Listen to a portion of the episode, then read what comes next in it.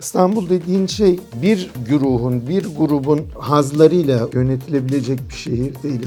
Bana İstanbul'da bir tek böyle imza iş söyleyin. Ekrem İmamoğlu iyi bir belediye başkanı değil. CHP'yi bir bu kalemuna çevirdiler. Renk değiştirdikçe kendini bir başka bünye zannediyor. Dersim katliamının hesabını sormaktan bahsediyor. Ya Dersim katliamı dediğini yapan Mustafa Kemal demiyor kimse buna. Türkiye'nin uyanmış olduğu yeni bir sabah olduğunu düşünüyorum. Türkiye gerçekten bir uzay programı takip ediyor. Bak Gazze mevzu var, seçim mevzu var, maaş zamları var, enflasyon var, şu var bu var. Mehmet Büyükekşi ikide bir gündem oluyor. Yani bir adam ne yapmak istiyorsun sen ya? İsrailli teröristlerin de, Netanyahu köpeğinin de, o galant malant bu şeriklerinin de bir gün inşallah idam edilmelerini çok isterim.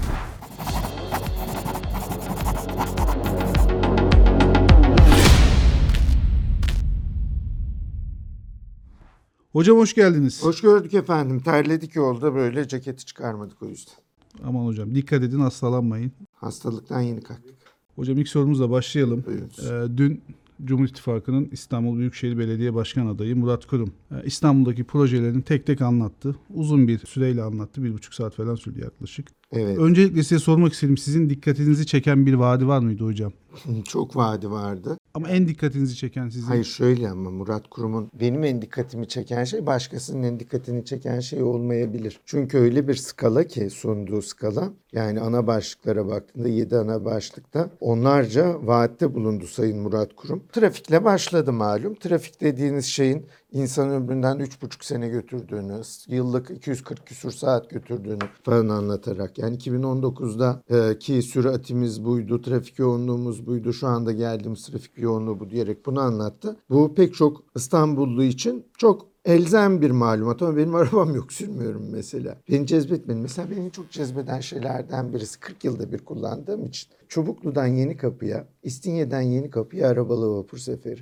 Aman yarabbi güzelliğe bak. Bir taraftan da o tünel seferleri falan, vaatleri. İstanbul'un trafiğiyle ilgili çok güzel şeyler var. Çalışan bir hanım olsaydım yahut beyim gece çalışsaydı. Mesela 7-24 e, nöbetçi kreş vaadini çok cezbedici bulurdum. İşte kimi sokak hayvanları ile ilgili vaadini cezbedici bulur. Neticede herkesin bir şeyi var. İstanbul dediğin şey böyle bir güruhun, bir grubun hazlarıyla, alakalarıyla, alaka noktalarıyla bunlara dikkat edilerek yönetilebilecek bir şehir değil. İstanbul'u yönetiyorsanız eğer yani insin ve cinnin diyor ya ben güneşi ve ayı elime alırım İstanbul Belediye Başkanı.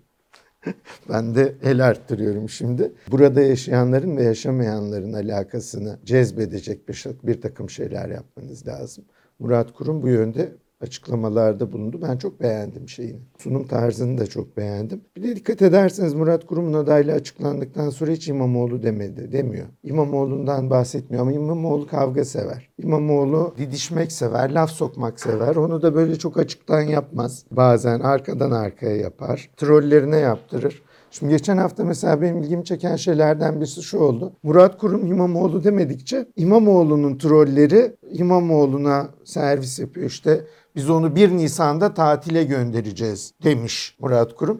Dememiş öyle bir laf. Ağzından İmamoğlu çıkmıyor. O da ona laf söylemiş, cevap vermiş. Valla İmamoğlu ihtiyaç duyduğu tartışma ortamını bulamadıkça kendisi yaratmaya çalışıyor haşa. Buna mukabil Murat Kurum e, ciddi bir belediyecik adını Sistem İstanbul koydu. Ciddi bir e, vaatler silsilesiyle geliyor. Bunlar İmamoğlu'nun vaatleri gibi olmaz. Burada söylenirse bunlar %98 oranında başarılır. %2'de nazar boncuğu olur zaten. Şimdi hocam yerel seçimlerde e, İyi Parti'nin tutumu çok merak ediliyordu. İttifaka dahil olacak mı? İşte belli bölgelerde belli adayları destekleyecek mi diye. Hani beklenenin malumuydu gerçi ama İstanbul ve Ankara'da aday çıkardı. Bu konuda ne düşünüyorsunuz hocam? Nasıl etkiler seçim sürecini? Özellikle İstanbul bazında. Valla ne bileyim nasıl etkiler. Ben o noktada İyi Parti seçmenini çok yakından gözlemlemiş biri değilim. Gözlemleyen arkadaşlar var yani. Ala külli hal İyi Parti'ye oy atacak bir seçmen kitlesi var. Bir de orada müteahhir yani muhalefet safında kalacak ama mesela milletvekilliği seçimlerinde yine İyi Parti'ye oy atması beklenen bir kitle olduğu söyleniyor ama ha şunu söyleyelim. Ben Türkiye'de herhangi bir sol partinin azası olsam, yöneticisi olsam yahut muhalefet safında bir herhangi bir partinin azası, yöneticisi olsam şimdiye kadar 40 defa isyan etmiştim. Ben bir seçim bilmiyorum ki bu seçim çok kritik, bu seçim çok hayati. Aman oyları bölmeyin. Lütfen aday çıkarmayın. AKP'nin ekmeğine yağ sürer. Bu defa şeriat geliyor. İşte fikri sağlar çıktı. Bu seçimi, belediye seçimini AK Parti alırsa Türkiye'ye şeriat gelecekmiş. Cumhurbaşkanlığı seçiminde başaramayan Erdoğan Türkiye'deki belediyeleri alarak şeriat getirecekmiş. Aman yarabbi şeriat da belediye hizmetine döndü. Fakat işte yani belediyecilikle ilgili açmazlar olduğu için adamlar belediyeciliğin hizmet alanlarının nerelere kadar uzandığını, görev tanımının ne olduğunu unutmuş olabilirler. Dolayısıyla ben şimdi İyi Parti'ye yönelik o tazikatın aman ayrı baş çekmeyin şimdi bir de HDP'ye yönelik var aday çıkarırsanız AKP'yi. Bu hayırdır neyi baskılıyorsunuz ya? Türkiye siyaseti içinde sürekli konuşmadığımız ama gündem etmemiz gereken bir CHP diktatoryası var. Kimse aday çıkaramaz. Kimse siyaset yapamaz. Yapabilir ama seçime kadar yapabilir. Seçimde bizim ihanemizle var olacak. İşte bak bugün çıktı. Muharrem İnce. Muharrem İnce çıktı dedi ki bunlar bu kadar demlendikten sonra benim onlarla işim olmaz. Ayda bu defa başladılar ona şey yapmaya. İzmir'de bir iki belediye bana verselerdi bu kadar dert etmeyeceksin değil mi diye. Kendi kendine siyaset yapıyor adam yani. Sizden icazet almadan siyaset yapabilmek için ayrı parti kurdu zaten. Boşandım ama yine kurtulamadım mevzu vardır ya Türk ailelerinde. Çoluk çocuk sebebiyle boşandım hala vicdan azabı gibi tepemde. Muharrem İnce'nin durumu da biraz öyle. Ez cümle İyi Parti de bu cümledendir. Nasıl tesir eder bilmiyorum ama adam kendi başına bir parti ve başka bir opsiyonu yoktu. Başka bir oyun alternatifi yoktu Meral Akşener'in. Eğer İyi Parti'nin bir parti olarak varlığının sürmesini istiyorduysa Meral Akşener ki istiyor, kendisini bir şekilde CHP'den ayrıştırmak zorunda. Yoksa CHP kendisine yanaşan bünyeleri, yapıları absorbe eden, o biyoloji dersinde gördük ya yanaşan hücreyi böyle alıp içine absorbe eden hücreler vardı. Sonra onun hücre çeperini kıran falan, kendine katan bir parti. Bu anlamıyla ben İyi Parti'nin yaptığını siyaseten anlamlı görüyorum. Ben İyi Parti CHP'yi desteklese de İstanbul'da özellikle Murat Kurum karşısında Ekrem İmamoğlu'nun pek bir şansı olduğunu düşünmediğim için HDP de desteklese olduğunu düşünmüyorum açık söyleyeyim ya. Çok kötü bir belediye başkanlığı gördük ya. Çok kötü yani. Hani bize hala bir takım şeyleri yutturma. Biz neyi konuşuyoruz ya Allah aşkına? Her şey ortada, mal ortada. Gerçekten kötü bir belediye başkanı. Ekrem İmamoğlu iyi bir belediye başkanı değil. Yok öyle yaptı, onu yaptı, bunu yapmadı, şunu yapacaktı, vaatleri vardı falan filan. Bunu ispattan da çekildim ben, geçtim. E bir bakıyorsun hiçbir şey yok. Yani İstanbul'a yarın bir gün gittikten sonra İstanbul'a vurduğu tek bir mühür yok. Bak Bedrettin Dalan'ın mührüne git Haliç kıyısına abi. Bağdat Caddesi sahiline, Suadiye Bostancı sahiline. O araya. Bak Bedrettin Dalan'ın mührü. Sonra Yeni Kapı'da şeyden Aksaray'dan metroya bin o havaalanı Kirazlı metrosu var ya. Nurettin Sözen'in mührüdür. Vurmuştur bir şekilde. Recep Tayyip Erdoğan'ın onlarca mührü var. Say say say say. Rahmetli Kadir Topbaş'ın onlarca mührü var. Ardından aa bak bu da Kadir Topbaş hizmetiydi denilecek koymuş oldu. Şimdi yarın bir gün gittikten sonra Ekrem İmamoğlu'nun kendisinin sıfırdan projelendirip başlatıp bitirdiği, yaptığı bana İstanbul'da bir tek böyle imza iş söyleyin süt dağıttı falan filan işlerini kabul etmiyorum ama. Ha bir tane söyleyin yani. Yani çeşme vardı galiba. Onu Sultan Ahmet yaptırdı ya. Sultan 3. Ahmet yaptırdı. Az önce konuşurken aklıma geldi de gene. Özgür Özel Tunceli'ye gitti biliyorsunuz. Ben de giderim. Çok güzel bir yerdir. Dağ sarımsağı alırım oradan. Sonradan öğrendim ki onun toplanması ve satılması yasakmış ama ne yapayım? Tezgahta satıyordu amca aldım ya. Tezgahta satıyorsa şey yok hocam. Evet. Ee, Özgür Özel'in orada bir e, ifadesi vardı. CHP'nin bayrağını hani Tunceli'ye demedi ama Dersim'e dikeceğiz diye bir ifadesi oldu. Büyük tepki çekti hocam. Niye? Niye tepki çekti? İsmi Tunceli. Ya arkadaşlar ne ismi Tunceli Allah aşkına yani her rengi boyadık kaldı fıstığın yeşili derler Anadolu'da güzel bir laftır. Yani rahmetli hali hayatında iyi baktık da helvasının fıstığında mıyız şu anda? CHP'nin Bursa milletvekili bak Bursa milletvekili Orhan bir şey bilmiyorum soyadını hatırlamıyorum. Bak Cumhuriyet Halk Partisi'nin Bursa Bursa ki Mustafa Kemal Atatürk'ün hamama geldiği yer. Biliyorsunuz değil mi? O çekirge hamamlarına gelir. Dersim katliamının hesabını sormaktan bahsediyor. Ya Dersim katliamı dediğini yapan Mustafa Kemal demiyor kimse buna. Diyemiyor CHP içinde. Cumhuriyet Halk Partisi şimdiye kadar Cumhuriyet'in kuruluş dönemiyle alakalı, özellikle Atatürk dönemiyle alakalı pek çok şeyde kendi yapısıyla yüzleşiyor. Ya şu lafı da duyduk yani şimdi internete girenler bulur. Dersim'de yaşanan zulümlerin diyor zulümlerin hesabını AKP'den soracağız. Ne zulümlerin hesabını AKP'den soracaksın ya. Bir yandan da CHP içinde bu tarz şeylerin yürütülmesi çabası var. CHP'yi bir bu kalemuna çevirdiler. Renk değiştirdikçe kendini bir başka bünye zannediyor. Özgür Özel bir şeyin telaşı içinde Kemal Kılıçdaroğlu'na yapılan e, yanlışın ki büyük bir siyasi ahlaksızlıkla gittiğine inanıyor pek çok CHP'li. E, Bununla birlikte ben de bakıyorum diyorum ki yani doğal olmayan yollardan gittiğini söylüyorsunuz. Nasıl geldiyse öyle gitti aslında Kemal Bey. Doğal olmayan yollardan da gelmişti. Neyse mesele değil ama pek çok Alevi'nin hani bu minvalde yorumları şeyde de görmüşsünüzdür internette falan. Pek çok Alevi'nin şahsen incindiğini ve kendilerini aldatılmış, e, ötelenmiş hissettiklerine yönelik yorumların yapıldığını görüyoruz. Şimdi orada bir gönül alıyor kendince. Heyecanlar diyor. Yapmayın etmeyin gitmeyin. Gelin diyor. Biz buradayız. Bize oy verin diyor. Rüşveti kelam. Ama şunu söyleyelim. Özgür Özel kendisini Kemal Kılıçdaroğlu çizgisinden başka bir yere konumlandırmayı başarabilecek mi, başaramayacak mı noktasında beklenti içinde olanlar her geçen gün daha büyük bir inkıraza düşüyorlar. Kemal Bey'den daha kötüsü oluyor. Şöyle ki parti çok sağcılaştı diyerek hani sol ittifakları yürüteceğiz diyenler bakıyorlar ki ellerinde PKK'dan başka bir şey yok. Bununla birlikte merkezde yer alan sağ unsurları da öteliyor Özgür Özel. Valla kötü bir yere gidiyor yani CHP. Hocam Türkiye e, İsveç'in NATO üyeliğini onayladı. E, Meclisten geçti. Dün resmi gazetede de yayınlandı. Cumhurbaşkanı da onayladı. Buna çok çeşitli tepkiler var. E, Cumhurbaşkanı Erdoğan'ın İsveç NATO'ya giremez bizim şeyimiz olmadığı müddetçe gibi bir sözleri vardı. Evet. Muhalefet bunu e, aşırı derecede kullandı ve onlar da ne ilginçtir şeye destek de verdi. İsveç'in NATO'ya girme konusunda e, evet oyu da verdiler. Çeşitli tepkiler var hocam. Ne düşünüyorsunuz siz? Yani Erdoğan ne dedi? Bizim şeyimiz olmadıktan sonra giremez mi dedi İsveç. Evet. İşte bizim şeyimiz. Doğru. Yani bu sözün hilafında bir durum var mı? Arkadaşlar bu mesele bence açıktır.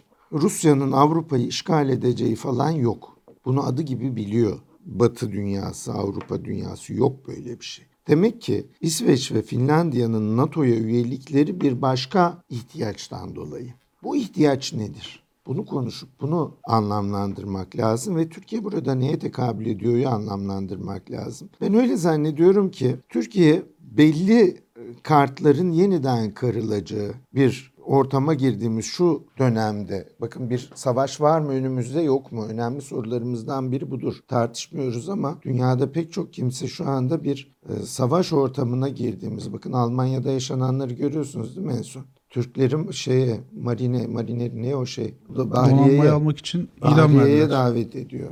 Silah altına almaya çalışıyor şeyleri. Yabancıları. Çifte vatandaşlıkla ilgili bir takım düzenlemeler geliyor. Fransa mağribilere yönelik rüşveti kelamları yükseltti. Bunlar nedir? Bunlar Avrupa'nın askeri olmayan Avrupa'nın sahaya sürecek askeri olmayan Avrupa'nın bir hazırlık içinde olduğunu gösteriyor bize. Bir şeyler için. Bu nedir? Üretim için midir? Yoksa savunma için midir? Bunu bilmiyorum ben. Yani henüz kendini göstermiş bir şey yok. Fakat gördüğümüz şey şudur ki yaklaşacak münaza öyle Rusya ile Avrupa arasında, Rusya ile Amerika Batı arasında yahut İslam alemiyle başka şey arasında olacak falan değil. Savaşlar kapitalizmin savaşlarıdır. Şu anda tıkandı artık. Yani gerçekten tıkandı şey hani böyle Lego oyunlarında atarsın hani son iki hamlen daha vardır ondan sonra tamamen tıkanır ya. E bir bakıyorsunuz karşı tarafa şu anda kapitalizmin oyun alanı çok daraldı kendi içinde. Kendini yeniden var edebilmek için o akumulasyon sürecine girmek zorunda. Birileri düşecek, birileri yükselecek. Kartlar yeniden kırılacak. Türkiye kendi başına büyük oyunu bozabilecek bir ülke değil yani. Bunu biliyoruz. Acı mıdır, değil midir? Vallahi hakikatle barışık olursanız acı olmaz. Biz de bu zamanın adamıyız. 100 sene evvelinin adamı olsaydık bir avuç toprağı muhafaza etmeye çalışan adam olacaktık. Şu andaki hakikatimiz başka. 1526-27'de olsaydı Muhaç Savaşı'nı kazanmış Kanuni Sultan Süleyman'ın Şarlken'e posta koyduğu Türkiye'nin adamı olacaktık. Yani şu andaki durumumuz farklı, potansiyelimiz farklı. Ben öyle zannediyorum ki Türkiye gütmüş olduğu denge politikası bakımından F-16, F-16 ben bunların hepsinin bahane olduğunu düşünüyorum bana kalırsa. Hiçbir zaman tam olarak Rusçu falan olmayacak. Zaten Rusçu olunmaz. Tarihsel düşmanımız. Böyle Çin falan bir başka dengeye girilmez. Çünkü bir de şunu unutmayalım. Devletimizin yapısı Batı ittifakına göre dizayn edilmiştir. Biz bu binayı temelinden, su basmanından te çatısına kadar Batı ittifakında yer alacak şekilde kurduk, dizayn ettik. Bütün tesisat ona göre çekildi. Hani Rus fişi bu prize girmez. Niye? Bizimki iki dişli, Rus'unki üç dişli girmez. Yani bu bakımdan denge politikamız Rus'u kaybetmemek, batıdan kopmamak üzerine kuruludur. Demek vakti merhunu gelmiş. E bizim bu şeyler de saçmalıyorlar artık canım ne istiyorlar yani Allah'ını severlerse. Sanki çok vatan millet menfaatini düşünüyorlarmış gibi. Vakti geldiğinde vatan milletçi oluyorlar. Hocam şimdi Türkiye'nin uzay yolculuğu başladı. Ee, Şimdi bu olunca Türkiye'nin ya da Türklerin uzayla ilgili haberleri gelmeye de başladı. Tam bu süreçte de e, Türk astrofizikçi Umut Yıldız Türkiye'nin uzay programına e, katkı vermek için e, NASA'dan ayrıldığını açıkladı ve Türkiye'ye gelecek. Ne dersiniz hocam? Bunun devamı gelir mi sizce? Ya bir taraftan tabii hamiyeti milliye ile alakalı şeyler bunlar. Bir taraftan oradaki sürecini bilmiyorum. Adamcağızın süreci orada nasıl gidiyordu yani? Şahsi ikbali ne alemdeydi onu bilmiyorum ama bir taraftan da şimdi yani böyle bir yola girecekseniz eğer Türkiye olarak bir yerlerden başlayacaksınız. Kendinize ait insanları yurt dışındaki insanları işte bir zaman CERN'de yaşaya çalışmış olanları ikna edeceksiniz getireceksiniz buraya. Bunlar bu projenin başına geçecek. Çünkü bizler e, o Cem Yılmaz'ın skeçlerinde dalga geçtiği gibi bir iş yapmıyoruz. Şu anda Türkiye gerçekten bir uzay programı takip ediyor bu uzay programını takip edişinin çok önemli sebepleri var birincisi milli güvenliğimizle çok alakalı biliyorsunuz ama sadece milli güvenlikle değil ülkenin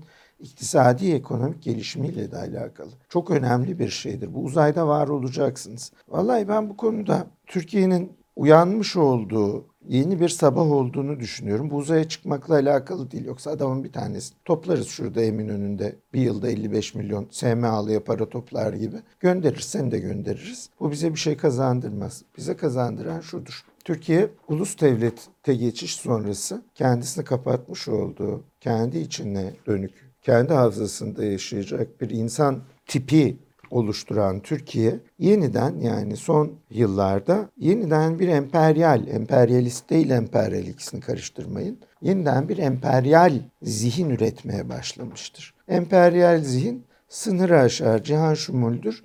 Bir yerde durmaz, bir başka yere ulaşmaya çalışır. En çok da Türkiye yakışır bu.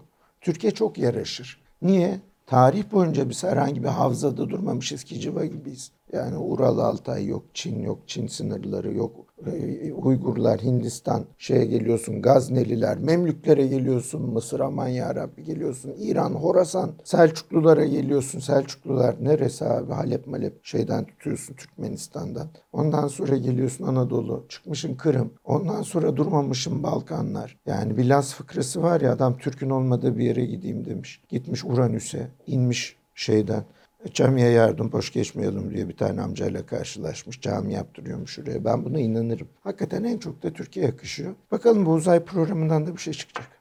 Şimdi çıkmazsa yarın çıkacak. Her dalga yeşikleri şeyden sonra iyi bir şey çıktı biliyorsunuz değil mi? Her şeyden önce tecrübe kazanıyor hocam Türkiye bu konuda. Ya bırak iki tanesi de patlasın icabında mesele değil uğraşmış olalım da. Yani bunlar biz bunlar mahcup etmekten utanmadı bunları. Bunlar derken yapanlar. Bunlar mahcup olmaktan utanmadı. Ama bak borçlarını ödemeden gidiyor. Rahmetli oldu dün. Anırma borcuyla gitti. Allah gani gani rahmet eylesin. Eski bakandı. Yalova milletvekiliydi. Yanıracağım dedi. Borcuyla gitti adamcağız yani. İnşallah aile ahirete müteallik bir borç değildir. Orada tahsil etmezler. Hocam Namık Kemal Zeybek O da onlardan.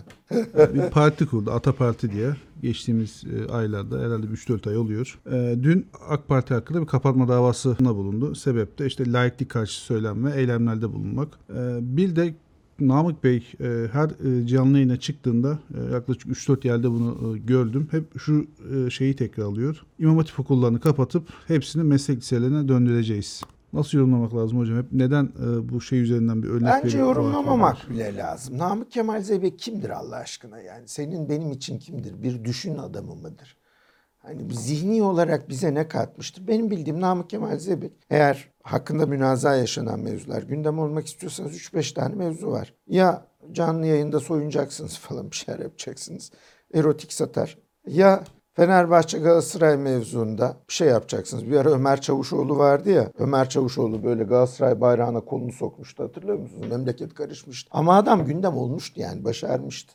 o da iyi bir değişik bir adam diye selametlik. Hayattadır inşallah bilmiyorum. Yahut din iman meselelerine gireceksin. Namık Kemal Zeybek hiç bilmediğim birisi şey olarak. Şu andaki aksi, aksiyonları neler yaparı hiç bilmiyorum. Gündem olmak istedikçe işte bizim dini şeylerimize sarar. İşte ikide bir Orta Asya'dan gelme şamanlıkla ilgili bir takım şeyler söyler. Vallahi Namık Kemal Zeybek Türkiye gündemi içinde, Türk halkı içinde hiçbir şey ifade etmeyen birisidir. Yani siyasette merhum Ayvaz Gökdemir, Allah gani gani rahmet eylesin, Claude Roth'la olan onun da münasebetini hatırlıyoruz. Bence çok haklıydı, iyi bir şey de yapmıştı. Türkiye siyasetine damgasını vurmuştur. Namık Kemal Zeybek hiçbir şey değildir. Namık Kemal Zeybek, yani şunu da ama hatırlayalım. Ey e, Türkiye'nin sağının ahmakları, Türk sağı ahmak doludur. Ve bunlar saf dildirler yani. Bak bir zamanlar DYP'nin genel başkanıydı bu. Demokrat Parti'nin. Din, iman, Allah, kitap, Haydarbaş hocam, Yüce Bilge bilmem ne falan filan diye diye rey almaya çalışıyordu. Düşmanlığını yine size yapıyordu. Yani sizler size rüşveti kelam veren herkese yüz veriyorsunuz. Azıcık kimliğinize bakın. Namık Kemal Zeybek bizler için hiçbir şey ifade etmeyen birisidir. Yani ne o? Şey var ya bir tane Aleyna Tilki. Aleyna Tilki daha fazla şey ifade eden birisidir Türkiye gündemi için. En azından nereye gidiyor bu gençlik diye konuşuruz üzerinden. Ama Namık Kemal Zeybek üzerinden hiçbir şey konuşamayız. Hiçbir şey konuşamayız. Hocam biliyorsunuz e, İsrail'in Gazze'ye olan e, saldırıları devam ediyor. Terör saldırıları. Tam bu e, dönemde İsrail'e açık bir şekilde desteğini ilan eden McDonald's ile Türkiye Futbol Federasyonu'nun A milli takımı ve voleybol milli takımı e, McDonald's'a olan sponsorluk anlaşmasını devam ettirdi. Uzattılar. Bu büyük bir tepkiye neden oldu. Hani insanların e, McDonald's'a ya da İsrail'e açık destek veren şirketlere karşı bir boykot tutumu var. E, bu hassasiyet güdülmediği için e, böyle bir e, tepki oluştu. Yani Allah tepki gösterenlerden razı olsun. Bu tepki verilecek bir husus. Ben Türkiye Futbol Federasyonu ile ilgili konuşmaktan birkaç defa konuştuk. Artık bizarım yani. Ben bu adam ne yapmaya çalışıyor da anlamıyorum. Ee, İlginç bir yapı var orada. Yani futbol bir tarafta profesyonel bir şey olarak devam ediyor. Ekonomik bir zincir olarak, bir çark olarak devam ediyor. Bir tarafta da bunu izleyenler, alakadar olanlar var. Ama bir tarafta da bu işin bahis üzerinden bu çarka dahil olan üçüncü bir şey var ki bunlar dışarıdaki o fıkara, izleyen fıkaradan e, daha müessir. Yani fıkara tesir etmiyor meseleye fıkaranın bu konudaki hissiyatı. Değişti. Futbolun ruhu değişti. Sporun ruhu değişti. Dolayısıyla ben herhangi bir bağımız olduğunu düşünmüyorum artık bu yapılarla. Bizim herhangi bir bağımız yok. Bu yapılarla herhangi bir bağımız yok. Türkiye Futbol Federasyonu'nun başındaki zat işte Mehmet Büyükekşi. Öyle zannediyorum ki çünkü bu kadar seri pot kırılmaz, bu kadar gündeme menfi şekilde bu kadar seri gelinilmez. Yani mesela Ulusoy Federasyonu'nu hatırlıyoruz. Hep tenkit edilirdi falan selametlik. Fakat kadar gündemin içinde ana maddesi olmazdı hiçbir zaman. Futbol içinde tenkit edilirdi ya. Bundan evvelkileri hatırlıyoruz. Mehmet Ali Aydınları hatırlıyoruz. O da çok tenkit edilen bir zattı. O tabii Fenerbahçe'nin 3 Temmuz süreci sonrasında denk gelmişti. Yani çok sıkıntılı bir şey. Nihat Özdemir'i hatırlıyoruz. Ben Mehmet Büyükekşi Federasyonu gibi bir federasyon ömrü hayatımda hatırlamıyorum. Bak Gazze mevzu var, seçim mevzu var, işte emeklilik mevzu var, maaş zamları var, enflasyon var, şu var bu var. Mehmet Büyükekşi ikide bir gündem oluyor. Ana haber bültenlerinin ana maddesi haline geliyor, gazetelerin manşeti oluyor. Yani bir adam ne yapmak istiyorsun sen ya? Ve hala yani hala, hala buna devam ediyor. Ben iyi niyet görmüyorum. Bu kadar seri pot iyi niyetle kırılmaz. Yani burada bir başka gündem olabileceğini düşünüyorum. Bir başka ajanda olabileceğini düşünüyorum. Ama e, yorum yapamıyorum. Elimde done yok. Voleybola gelince voleybol zaten kendine mahsus düzeni olan daha kopuk bir spordur. Özellikle erkek voleybolu yani kadınlar voleybolu biraz daha Türk milleti tarafından benimsendi ilginç bir biçimde. O konuyla alakalı pek bir şey söyleyemeyeceğim ama boykot kırıcılık milli formayla yapılmaz. Bunu yapanlar çok ayıp ediyorlar. Bunu yapanlar çok ayıp ediyorlar. Bunun faturasını da bir şekilde ödeyecekler inşallah. Bak o Hezekel denilen bir tane namussuz herif vardı. Gitti. Başakşehir'deki gitti. İsrailli olmak ayıp değil. İsrail vatandaşı olmak ayıp değil, günah değil. Ama Siyonist iseniz, Siyonizmin planlarıyla alakalı şu anda süren mezalimin, İsrail terör devletinin bir şekilde arkasında duruyor, bu şeyleri destekliyorsanız alay burası Müslüman mahallesi salyangoz sattırılmaz burada. Ama bir bakıyorsunuz salyangoz tezgahının arkasında bizim Futbol Federasyonu falan da durmaya başlıyor. Sinirimizi bozmasınlar. Ee, hocam ABD'de bir mahkum tarihte ilk kez nitrojen gazıyla idam edilecek. Ne dersiniz hocam? İdam zaten başlı başına farklı bir şey de ama bu şekilde de bir idam yöntemi çok ilginç oluyor. Yaratıcı adamlar idam yöntemi konusunda yani bu konuda e, filmler neydi o Yeşil Yol muydu? O adamın kafasına bir tenekeden bir şey geçiriyorlar falan. E, Bilemiyorum yani nitrojen gazıyla öldürmek. Ben idam cezası konusunda kafası karışık olanlardan biriyim. Normal şartlar altında idam cezası gibi bir cezaya özellikle terör suçlarında tarafım. Yani bana kalsa 15 Temmuz'da vatandaşın üstüne bomba atanlar bunları hemen 3'ü 3 gün sürmeyecekti yani. Bunları idam etmek lazımdı. Terör suçlarına bulaşmış herhangi bir masumun kanı eline bulaşmış idam edeceksin. Bu konularda benim hiçbir şeyim yok, çekincem yok. Yok gayri insanidir, bizi öldürmek yakışmaz falan bir şey yok. El ceza min cinsil amel önemli bir laf darbu meseldir yani ceza amelin cinsiyledir. Öldürüyorsan öldürüleceksin bu kadar. Ben bu anlamda İsrailli teröristlerin de e, bir gün inşallah idam edilmelerini çok isterim. Nürnberg mahkemelerinde nasıl idam edildilerse bu Netanyahu köpeğinin de, şeriklerinin de o galant malant bu şeriklerinin de idam edilmelerini, üst düzey askerlerin falan hep idam edilmelerini çok isterim. Başka yoksa bitirebiliriz hocam. Vallahi Recep ayının kıymetini bilelim. Eyvallah hocam. Recep ayının kıymetini bilelim. Tövbe edelim. Tövbe ayıdır. Ben de tövbe edeyim inşallah. Sizler de tövbe edin. Eyvallah hocam. Ağzınıza sağlık. Hoşçakalın. Sağ olun, var olun.